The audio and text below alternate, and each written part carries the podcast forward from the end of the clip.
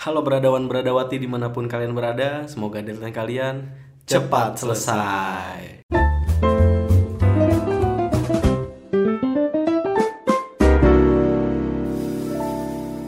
Oke, balik lagi nih di Deka Podcast kali ini. Setelah sekian lama kita nggak podcastan lagi ya kan? Yo, eh, Sekarang di awal tahun 2020 gitu kan, Ya, iya. dengan harapan-harapan baru. kita mulai podcast lagi. ya kita mulai kejombloan ini. Buat lo sih, gue sih enggak. Bisa ya yang baru nyoblos. Ya, lo dong. Oke, Bra. Untuk podcast kali ini kita udah nyiapin tema apa nih untuk yang kita bahas? Oke, buat podcast kali ini kita udah nyiapin tema Jalan Ninja Seorang Desainer. Jalan ninja. Nggak ada kosakata yang lebih menarik gitu. Apa ya? Gue juga bingung sebenarnya. Oh, gitu. Ngasih taunya lebih ke kayak rute mungkin ya, rute pekerjaan seorang desainer gitu. Dan ini juga berlaku buat semua desainer sih. Cuma kita akan bahas eh, di lingkup grafis aja. Jadi kira-kira jalan ninja seorang desainer tuh emangnya ada apa aja sih, Bra? Jadi gini, ketika lo sudah menentukan diri lo sebagai desainer grafis atau desainer apa pun, nah lo akan dihadapkan oleh uh, rute pekerjaan. Gitu. Rute pekerjaan ini bisa berupa in-house, bisa berupa agency atau advertising, bisa berupa freelancer atau mungkin microstocker. Pengusaha juga bisa sih. Mhm. Oh, jadi banyak turunannya juga ya, banyak rutenya ternyata ya. Hmm. Oke, kita bahas satu-satu aja dulu kali ya. Oke, Biar siap. enak. Kita mulai dari mana? Kita mulai dari in-house dulu Ya, mungkin. kayaknya yang paling banyak sih in-house. Paling banyak ya, oke. Jadi in-house tuh apa tuh, Bra? Definisi menurut lo? Waduh, dia vape dulu, siap. in-house ya in-house itu ibaratnya kayak mobil Avanza kali ya karena di banyak banget desainer grafis yang jadi in-house Oh, gitu? iya lebih banyak gitu Hmm, ya itu kacang lah ya. iya kacang lah Di mana-mana banyak gitu. ah iya Bukan itu maksud gua, Mali. apa Definisinya in-house tuh seperti apa? Kenapa dia ngebahas kacang-kacangan sih? iya jadi sebenarnya in-house ini lebih apa ya lebih terikat dengan eh, waktu mungkin ya. Dari Dengan segi waktu terikat. dan aturan Ah. aturan kerja Oke, gitu. strict banget ya. Ah, ah, lebih strict banget karena memang uh, in-house itu diwajibkan misalnya untuk masuk dari jam sekian sampai jam sekian gitu kan betul. Senin pakai seragam A ya kan Ai. Selasa B Siap, C siap. gitulah. Nggak jauh beda sama PNS gitu dong. ya kalau PNS sih ada seragamnya biasanya sih kalau in-house pakai mejaan gitu. Oh iya. tapi tetap iya. seragam Sama kayak pakai polo-poloan gitu ya. Polo shirt polo shirt gitu kan.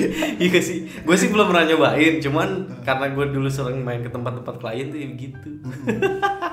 Anjing pakai polo shirt apa sih? iya ada dress code dress code Iya, ya ampun. Terus kayak Jumat tuh pakai batik, asik. iya iya jadi di pokoknya in-house itu lebih strict banget sama waktu deh Waktu ya. Ah, waktu lo udah dipastiin masuk jam sekian pulang jam sekian gitu. Mm. kalau enggak ya lembur gitu Hmm. kan Kayak gitu. Nah tapi dari segi pekerjaan juga agak beda tuh bro Karena beberapa temen kan gue ada yang in house tuh. Nah gue pernah sharing-sharing sama mereka Gimana lu di sana? Gitu. Adalah dia di salah satu brand gitu Gue tanya-tanya boring katanya. Lah kenapa emang? Gitu-gitu aja. Iya. Karena semuanya sudah ada pakem-pakemnya nih. Dari mulai logo guideline segala macam layouting kayak gitu-gitu tuh betul, betul. Itu udah ada gitu. Nah gue tanya ke eh, beliau gitu yang bersangkutan lah kan enak. Jadi lu cuma drag drag ngatur-ngatur doang gitu. Cuma tinggal layouting doang iya tapi gua nggak nggak nggak nggak berkembang jadinya kata dia gitu. Oke jadi mungkin itu yang temen lu itu masuk dalam minusnya in-house ya? Oh gitu. Nah, kalau menurut gua soalnya di in-house itu memang pertama lingkup kerjanya itu orang kreatifnya sedikit. Ya paling satu sampai dua orang atau mungkin eh, satu tim tapi ya nggak banyak iya karena dia tim ya atau eh, masuk ke dalam divisi kreatif gitu ya? Biasanya tuh kalau di in-house ada eh, divisi kreatifnya itu markom sih biasanya. Marco betul betul betul. Iya iya iya. Marketing komunikasi. Yo iya marketing communication. Asik. Iya yo Iya. Gitu. Jadi dia memang bener-bener dia lebih ke support si marketing communication ini ya? lebih support ke marketingnya gitu. Entah itu produk buat uh, fly- flyer dan Yes. kawan-kawannya promosi lah. Ah, flyer, banner, terus baliho, ya kan?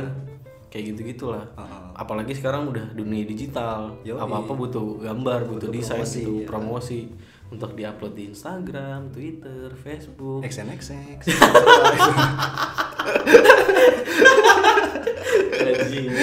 Siap. Oke, itu tadi in house ya.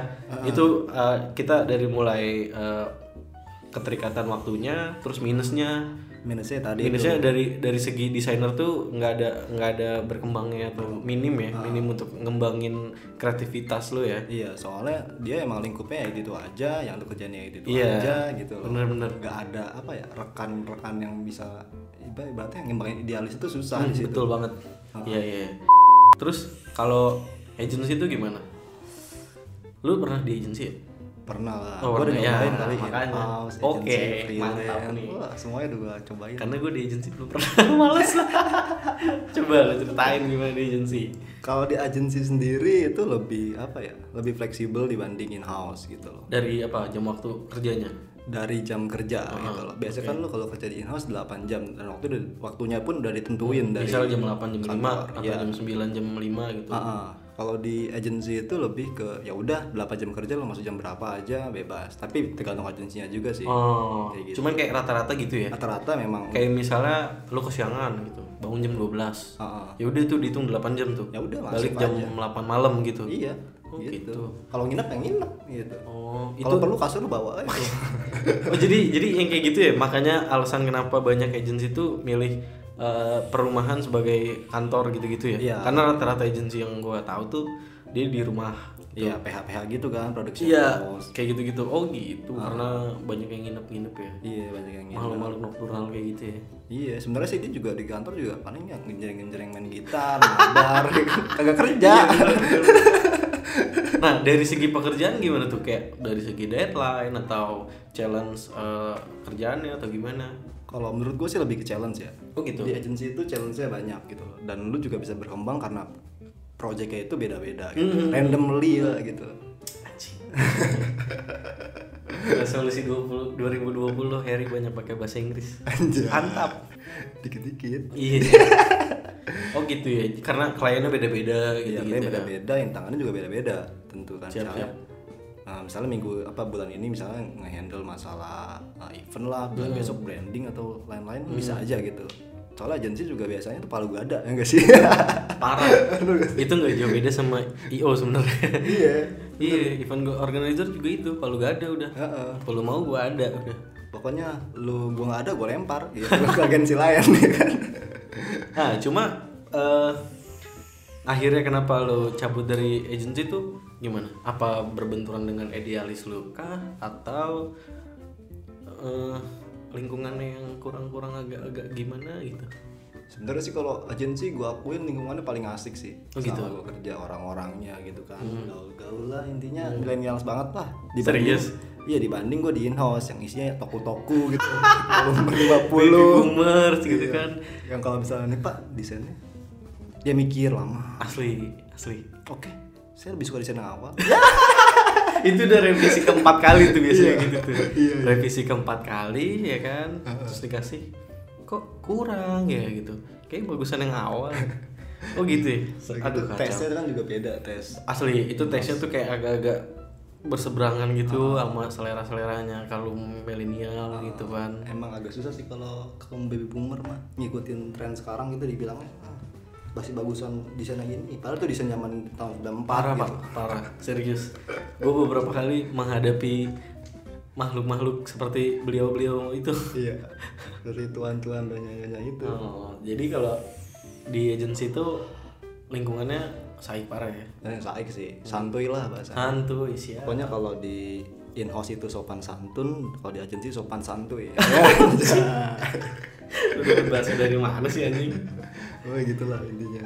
Nah tapi juga sebenarnya kalau ngomongin soal, tadi kan minusnya tuh kita ngomongin minusnya. Iya. Kalau ngomongin soal plusnya di in-house itu lebih ke apa ya? Ya lu aman gitu. Ah, betul. Aman, lu mau kerja sampai tua pun aman gitu. Nah, apalagi lu di corporate yang memang notabene-nya udah gede gitu kan, Hmm. perusahaan-perusahaan besar itu ya aman menurut. Dari segi gaji bulanan, Iya. ya kan, lemburan, tunjangan, hari raya, Idul Fitri, Idul Adha.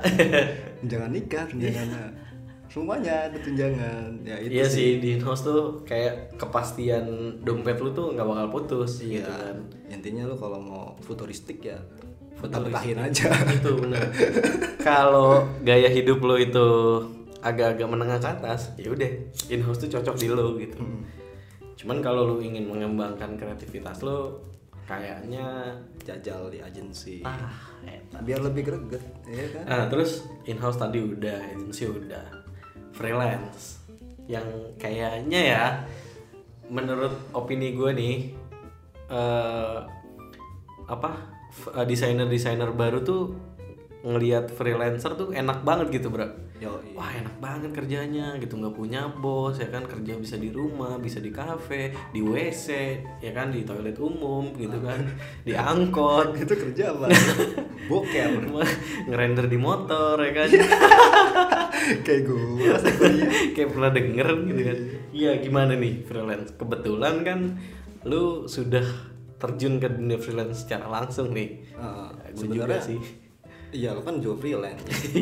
Sebenarnya freelance itu macam-macam sih. Ada ada freelance lagi siap. Maksudnya macam macam cenda artian tuh gini ada yang lemparan dari misalnya agensi lu. Misalnya lu cabut dari agensi dapat lemparan. Oh Maksudnya tapi lu tetap ngeling tetap ngeling sama Ngeling gitu tetap keep kan. kontak sama agensi lama lu gitu gitu ya. Ada juga yang memang lu langsung tekan kontrak langsung dengan kerja freelance di suatu perusahaan atau oh freelance juga ada tekan kontrak kayak gitu? Ada lah. Kan dia pekerjaan dalam waktu tertentu. Misalnya oh. satu pro per project gitu kan atau mungkin per tiga bulan per enam bulan ya pokoknya oh itu ada lagi ya? tetap ada sign kontrak kok. Kayak gitu. Cuma yang bedanya ya itu. Tadi gue bilang kebalikan dari in house itu. Penuh, Kebalikan penuh ketidakpastian bos.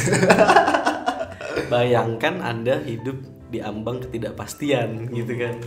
Tapi soal incoming sendiri freelance jauh lebih gede sih dari in house Ah, totally gitu kan sebenarnya. Kalau di total gitu kayak per project aja lu ngedesain logo itu bisa dapat berapa, ketimbang lu in house sebulan berapa, wah bisa tiga empat kali lipat dari kalau in house udah include sama gaji bulanan. Itu dia pak. pokoknya sebuah gaji bulanan itu udah misalnya ada ada event tertentu atau apa ya lu bikin logonya lu bikin flyer ada Asli. pack. Itu satu satu satu satu pack itu lu bikin sendiri dan include gaji, gaji lu gitu kan. Iya. Paling ya tambah-tambah duit lembur kalau kemalaman Ah, ya kan gitu. Tapi beda kalau di freelance ya. Freelance Freelance, itu per per per, item ya. Nah, per item. Per- eh, ada project, terus di dalamnya itu ada item. item, Nah, per item itu beda price-nya gitu-gitu kan ya. apa ya? Kalau gue bilang tuh misalnya lu kerja satu project di freelance kayak yang pernah gue alamin itu sama aja. Gue pernah freelance berapa bulan ya? Setahun lah kurang lebih ya. Tapi itu juga gue gue apa sih namanya bolong-bolong nggak terus-terusan di situ doang Mhm. itu gaji freelancer se sekali project bisa hidup eh, kayak in house itu dua bulan sampai tiga bulan lu bayangin tapi setelah itu ya gue nggak tahu itu gak ada, ada Nah, lagi apa itu enggak dia masalahnya kan. Itulah alasan tadi dibilang diambang ketidakpastian. kayak gitu Karena hari ini Anda dapat project uang berlimpah ya kan, setelah uang itu habis, nggak tahu besok siapa lagi yang mau ngasih project kan gitu. semoga ada project lagi Nah, mungkin eh, agak sedikit-sedikit tipis-tipis nih Uh-uh. tips and triknya untuk jadi freelance nih, biar nggak kejebak. Misalnya lu nggak punya uang tapi kayak tanggungan lu banyak gitu-gitu kan. Nah, mungkin lu ada ada ada sedikit tipsnya lah. Kalau tips yang pertama jadi freelancer ya sebenarnya sih koneksi sih itu udah pasti banget Harga mati banget tuh. harga mati Parah. soalnya kalau nggak ada koneksi lu mau ngapain Bener. lu mau dapat project dari mana dari siapa kan nggak tahu Ngebangun koneksi intinya. ah bukan koneksi kayak gitu kan tadi gue bilang dari awal ah, bisa aja tuh freelance itu dari misalnya lu tadi jadi agensi lu cabut tapi masih keep kontak ya kan Iya. dan lu dapat projectnya dari situ itu kan balik lagi kan koneksi gitu Iya, iya benar-benar. Jadi mulai sekarang jangan banyak-banyakin musuh, Bra, kalau mau jadi freelancer. itu banyak-banyakin temen koneksi. Karena siapa tahu nih temen lu yang sekarang 2-3 tahun ke depan tuh bisa jadi klien lu. Nah itu nggak nutup kemungkinan sih sebenarnya. Apalagi kayak musuh-musuh lu gitu bisa aja dia eh, ngasilin proyekan buat ke lu gitu. Nah ya tuh tuh jadi intinya keep connection. Yoi, itu soalnya modal freelancer banget lah di situ. Bener sama sebelum lu jadi freelancer kalau bisa ya jangan ada tanggungan lah. Nah itu sih. Gitu kan. Beban juga ya. Iya, hari ini lu mau cabut kerja, mau resign gitu kan, cicilan motor masih empat bulan lagi. Wah, sebenarnya sih bisa buat empat bulan itu kan bisa tiga sampai empat bulan. Iya. tapi lu gak makan itu dia maksud gue. Makanya gue kenapa ngasih ke empat bulan? Karena ah empat bulan doang mau bisa cicilan motor Hmm. gitu. Ya iya cuman lu nggak makan ntar gimana dong? Nggak ngerokok gitu kan. Iya. apalagi harga rokok naik bangsat. Oh iya iya. Untung gua udah ngepep. Ya cing ini lu ngisep rokok oh kan? iya. Mumpung masih belum naik. Iya bener sih. Isep yang banyak. Oke itu tadi freelancer ada lagi soal freelancer yang mau diomongin? Freelancer sih udah. Kayak koneksi. Yang penting sih nabung aja sih. Soalnya kan eh, kayak tadi gua bilang mungkin penghasilan lebih gede daripada in house gitu. Bisa sampai dua sampai tiga bulan satu kali project. Tapi kalau lu nggak nggak saving nggak nabung Iya, itu itu juga bisa balak sih buat lu asli Ah. itu bumerang banget sih kalau lu nggak punya tabungan kayak gitu gitu intinya apa? Manajemen keuangannya harus bagus kalau jadi freelancer ya gak sih? Karena iya karena freelancer itu apa apa sendiri pak.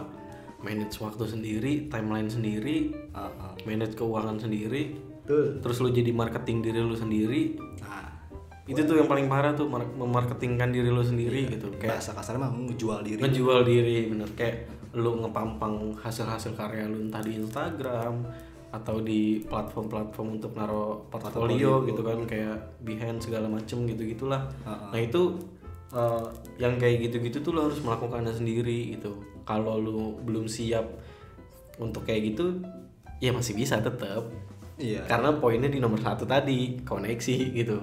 Kalau lu punya koneksi insya Allah ya nggak putus gitu. Yo iya modalnya. karena gitu semoga yang mau jadi freelancer bisa tercerahkan. Terus oh, ada apa lagi? Sama ada yang baru nih. Yang sebenarnya sih masih di telinga orang Indonesia tuh asing pak. Hmm, tapi di luar negeri sana itu udah banyak banget yang eh, nerapin kayak gini nerapin kayak gini aplikasiin sistem kerja ini yaitu eh, remote designer gitu. Oh. Beda sama freelance. Ada lagi remote. Gue taunya remote TV remote AC itu mah remote. Oh tuh remote ya? Remote remote remote itu udah lama banget tuh bang remote nggak lewat tuh. Kayak dia udah punah pak. Iya karena semuanya udah udah pakai Xiaomi. Iya jadi bisa pakai remote kan aplikasinya. Heeh. oke remote tuh gimana tuh remote? Jadi remote tuh sebenarnya kayak kerja biasa ya. Saya kerja in house cuma bedanya ya lu kerja di mana aja gitu, bebas. Bedanya sama freelancer kalau freelancer biasanya dibayar per project. Mhm. kalau remote dibayar per bulan tapi ya lu kerja di mana aja udah bebas. Lu nggak perlu ke kantor nggak perlu gimana ya bahasanya lu pokoknya bener-bener ngatur layaknya freelancer tapi lu tetap kerja layaknya in house Oh, iya iya iya. Ini tuh kayak adaptasi atau pe- penggabungan antara in-house dan freelancer gitu. Jadi mungkin ini cocok buat eh, lu, lu orang yang mau punya penghasilan aman nih, mau punya penghasilan tetap gitu. Tapi kerja nyantai, Iya, bisa di kafe ya kan, bisa di toilet gitu kan. di mana-mana lah Di ember gitu kan. kerja apa ya ngepel kerja apa berendam? iya Oh iya bener, kayak gitu-gitu ya. Iya. Lalu pernah kayak gitu? lah sekarang gue Oh iya. mancing aja gue mancing. Lah. iya iya iya. Asik tuh kayak gitu. Asik sih Ayo dong bikin pendengar ini pada tergiur. jadi gini loh yang sebenarnya agak berat nah, gue emang eh, terjun di dunia remote designer ini belum lama juga ya Mhm. jadi gue lari dari in house sebelumnya jadi kan gue gue agensi eh freelance agensi in house lari ke remote gitu, gitu. jadi kan gue Banyak juga jalan ninja lu ya. yo semua kita cobain Lama-lama jadi ninja hatori lu. jadi gini kalau in house sendiri eh in house sendiri kan ibarat tadi kan kita udah kepatok sama waktu kan Iya. ibaratnya kita kalau bangun pagi pedes aduh mau berangkat males banget Parah. gitu kan tapi Apalagi- harus berangkat Apalagi denger oh ini Senin ya kan. Aduh. kalau kagak berangkat dipotong makan Asli. ya. pahit pak Iya. gitu nah di remote sendiri di remote designer sendiri gue ngerasa ah, ini kayak gue banget gitu loh maksud maksudnya gue banget itu gini loh aduh pagi hujan ya kan mau berangkat ya udahlah tidur dulu aja ya. Ah, iya. Ah, Parah sih lagi musim hujan banget lagi kan. Iya, jadi ntar jam 12 baru ngejain yang it's okay gitu nggak masalah yang penting kan ada apa ya namanya target apa atau bisa sih ada ada ada target tertentu dari uh, perusahaan atau tempat lu remote itu yang misalnya ya sehari harus setor ini atau mungkin harus email ini harus email desainnya gitu. Yang penting udah ada ada reportnya lah bahasanya gitu ada report perharinya gitu. Ya itu kan lu kan ngedesain kan. Iya. mungkin remote ini aplikasi dari misalnya desainer yang nge-BT tadi kayak yang lihat desainer in house segala macem ya kan? Oh. yang di kantor BT gitu kan segala macem mungkin diremotin kali. Hmm, awalnya awalnya mungkin gitu kali Iya ya. udah gitu di kantor nggak bisa sambil ngerokok gitu kan. Iya. Ih, Iya, kalau in house kan gitu ya harus keluar dulu. Asli, ya ya ampun. Bete banget itu. kalau agensi kan langsung tuh ngerokok ngerokok aja Yoi. santuy cuma tetap lu terpatok sama tempat dan lingkup Iya betul, karena lu harus ke kantor gitu ibaratnya kan.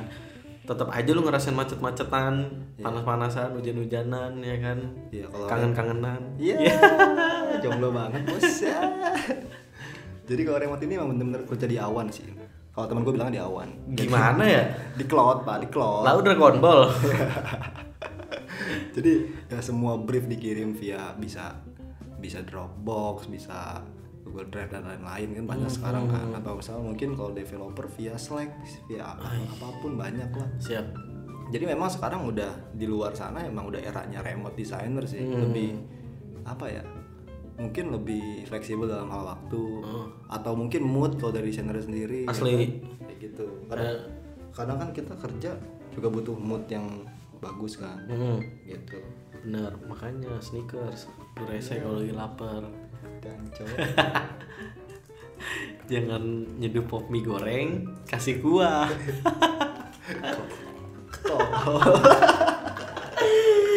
kelepasan tuh gue. Ada orang nih ya kan asik-asik mau nyiapin podcastan, nge-pop mie dulu, tapi nggak baca kalau itu pop mie goreng. Dituang lah itu bumbunya masih ada air rebusannya ya kan. Pas dia bang mie goreng gitu dia. Dan dia nanya dong, ini kalau airnya gue buang, bumbunya berasa ya nggak? Iya nggak usah ditanya dong bang, ya kan? Udah itu gue tuh aib ya gue. Bodoh itu kebodohan yang harus di share sih. Enggak, itu bukan kebodohan sebenarnya itu stres karena make gue rusak. Makeshiftnya rusak dong. Jadi remote ini masih masih kayak awam banget ya transisi masuk ke Indonesia gitu ya. Iya. Tapi pelaku pelakunya udah cukup banyak tuh pak. Kalau gue lihat sih masih belum banyak di Indonesia ya. Kalau di luar sih emang kayak lu lihat Belum banyak tapi ada ya. tapi ada. Gua Iya benar sih lu ada. Enggak maksudnya selain lu dan teman-teman lu beberapa itu kayak ganang segala macem itu iya sama. Iya kan. Nah eh, itu kan dalam lingkup yang kita tahu nih kayak misalnya di luar Jawa misalnya kayak gitu-gitu tuh ada tuh banyak. Nah, satu, satu satu tim gua ini mencar-mencar pak. Ada yang di Ciamis, ya pokoknya di mana-mana lah. Ada yang di Semarang gitu. Jadi bener-bener full remote lah. Oh gitu. Heeh, jadi gimana ya?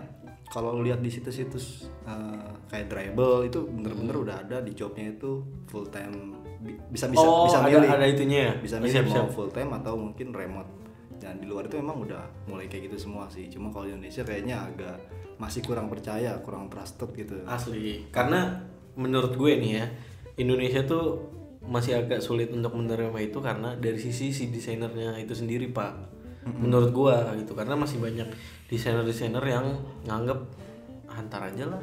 Ah, masih Santuy. lama lah, santuy. Ngops-ngops duls ya kan. Sebat-sebat aja duls gitu. Itu kayak gitu-gitu tuh eh, masih melekat gitu di hati para desainer-desainer kita gitu. iya ya itu balik lagi sih dari masing-masing desainer dan juga eh, dari pihak apa sih namanya pemberi pekerjaan itu sendiri. Hmm. kayak gitu. Soalnya ya kalau gue perhatiin juga itu kan dari mana sih dari sisi desainer. Kalau dari sisi eh, apa sih tadi namanya pengusahanya sendiri berarti yang ngasih kerjaan ke lu. Hmm, yang punya duit. Yang punya duit lah. Kalau dia mau ngasih kerjaan kayak gitu ah nanti dia gini-gini lagi nanti dia gini-gini Iya, iya, Padahal belum tentu kan Betul. nggak semua desainer kayak tadi yang Ah, lu bilang iya. kayak gitu ada yang bisa benar-benar manage waktunya ada yang memang ya udahlah nah cuma kan kualifikasi itu pada akhirnya bisa dilihat dari Hasil. portofolionya pak Ah, maksudnya dari hasil kerja lu yang tiap hari Iya. report juga bisa iya tahu. betul kan kita cuma ngasih file ibaratnya ngasih file berarti di remote ini kayak komunikasi itu uh, penting banget ya Heeh. kayak komunikasi itu udah pondasi banget ya iya benar itu jadi kayak misalnya mungkin uh, lu belum bisa ngerjain kerjaan yang ini karena lu harus uh, ke mana gitu itu lu harus berkabar dulu Iya, gitu ya harus biar nggak dicari-cariin kalau ada problem apa pun ya lu bilang aja lo obrolin Oh share gitu ya. Uh-uh. Nah lu biasanya tuh kalau kayak meeting gitu-gitu, nah itu kalau remote itu apa? Via Skype. yo Skype Oh, konferensi video call tuh. masa ome Ya. Ntar mas-mas yang buka baju sambil senderan dong dapetnya. Anjing jijik banget tuh. sambil ngocok ya Gue gak pernah sih. Gue gak tahu. next next saya tuh Aduh. iya lu pernah Pak? ya pernah nemu kayak gitu bajingan gue bilang Ya Allah senderan gitu kan. Terus ngangkat ketek gitu. Iya. Ya Allah. Oke, lanjut. ya jadi gitulah intinya intinya komunikasi itu penting banget buat remote designer Terus lu lu tuh kayak ada ada ada apa eh, weekly meeting ya? Meeting mingguan gitu ya? pasti ada ada tiap senin Lu setiap apa? Senin. Senin. Pagi. iya jadi senin tuh full full meeting jadi kerjanya selasa sampai jumat. Ini sebenarnya gue udah tahu, Iya. cuman biar teman-teman aja ya? Yoi. Iya. Jadi bilang siapa siapa. iya diam diam aja ntar Siap. orangnya denger nih Iya bener. Iya. Nang, sorry nang. Mas Ajis maaf ya Oke, tadi udah freelance, terus ternyata ada turunan lagi remote ya kan. Terus ada lagi Microsoft. Microsoft tuh apa tuh bro? sebenarnya Microsoft ini lebih ke apa ya Gue taunya Microsoft. soalnya. tadi kayak ditaruh bahas di awal kan udah udah kan Apa tuh? tadi kita bahas di awal Microsoft Oh, belum. belum ya Kan yang di awal in house, Oh, iya, agency, freelance, remote baru Iya, Microsoft. tadi kepotong soalnya Oke. kedelet Belum. oke jadi Microsoft itu lebih kayak jual aset grafis lah gitu jadi aset-aset yang lu pakai di Pripik gitu kan Oh. nah itu Pripik Shutterstock Creative Market Hmm. Envato itu termasuk uh, situs-situs Microsoft Aset. Uh, uh, aset grafis Oh, aset grafis. banyak sih aset, apa pun negara. gitu bisa Aset website, website, ya. bisa Hmm, kayak icon-icon icon gitu-gitu. remeh-temeh sih. Cuman ternyata ada ada de- developernya gitu ya. Uh, ada ada studio yang menaungi itu gitu atau Ah, gimana sih? biasa sih ya mereka awalnya perorangan atau mungkin uh, per tim gitu Hmm. jadi mereka ya bikin aset mereka jual atau Mhm. pasang di situs Microsoft dan itu penyaran mereka Iya. Nih, jadi buat teman-teman mungkin ada segelintir yang belum tahu, kayak misalnya Freepik, Shutterstock dan sebagainya itu eh, yang ada di website mereka yang kalian download itu bukan kreator mereka semua gitu. Ah, ah, betul betul Jadi ada pelakunya termasuk orang-orang Indonesia nih. iya dan ya banyak kan? banget Indonesia Asli kontributor- serius, kontributor. kontributornya banyak. Ah, ah. Nah, kontributor Indonesia. Jadi kalau kalian download eh, secara gratis atau berbayar, ya kalian berterima kasih lah sama mereka. iya Karena yang gratis-gratisan ini biasanya ya udah download comot selesai gitu. Ah, ah. nggak ada say thank you-nya segala macam. iya kayak gitu oke terima kasih Microstocker Indonesia Ya. terima kasih kritik ya soalnya ya Microsoft kayak gitulah lebih kayak gitu masalah waktu ya mereka bener-bener bebas sebebas bebasnya Itu udah masuk ke freelance sebenarnya. Maksudnya Masuk dari segi waktu. iya maksudnya bener-bener gini loh konsepnya Microsoft kalau mereka nggak kerja ya nggak makan gitu. Jadi mereka kan by by apa penjualan sales dari aset grafisnya Ah, itu ya. ah. walaupun aset grafis itu masih bisa di masih bisa buat mereka makan ngerti nggak lo? Jadi artinya mereka bikin aset banyak nih. Mereka pasang misalnya di Shutter Shutterstock gitu Hmm. kan.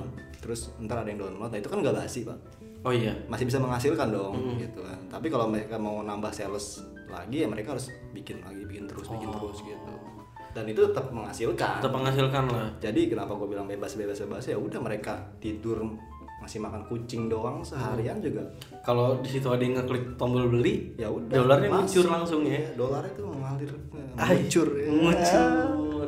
Ibaratnya kayak boker keluar dolar gitu. iya gitu lu mau ngapa mau ngapa mau nggak ah gue mau mau itu ah, cuti setahun gitu kan masih bisa dapat pak Nah itu kan sih segi menggiurkannya tuh.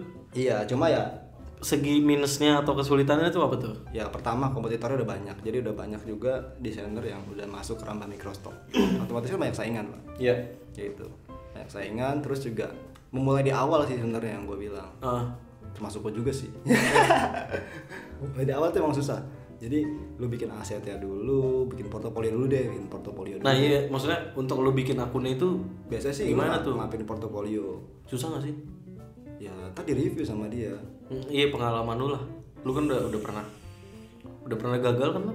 iya Tapi akhirnya bisa kan? iya masya allah Berapa kali gagal? ratusan ya Ah. nggak pokoknya intinya lu bikin Tak dulu berapa kali? yang nggak tahu gue lupa Banyak serius. enggak ya kalau ditanya berapa kali gue juga lupa berapa kali play banyak Oh banyak, terus ditolak-tolak-tolak. reject gitu karena enggak Itu rata-rata apa? Karena apa? bisa jadi karena uh, apa sih namanya kebutuhan juga sih Oh, kebutuhan pasar. misalnya, ya kebutuhan pasar. Misalnya uh, Microsoft A lagi butuh icon designer tuh ya kan? Lagi butuh banyak icon designer sedangkan uh, bagian misalnya vector designer Heeh.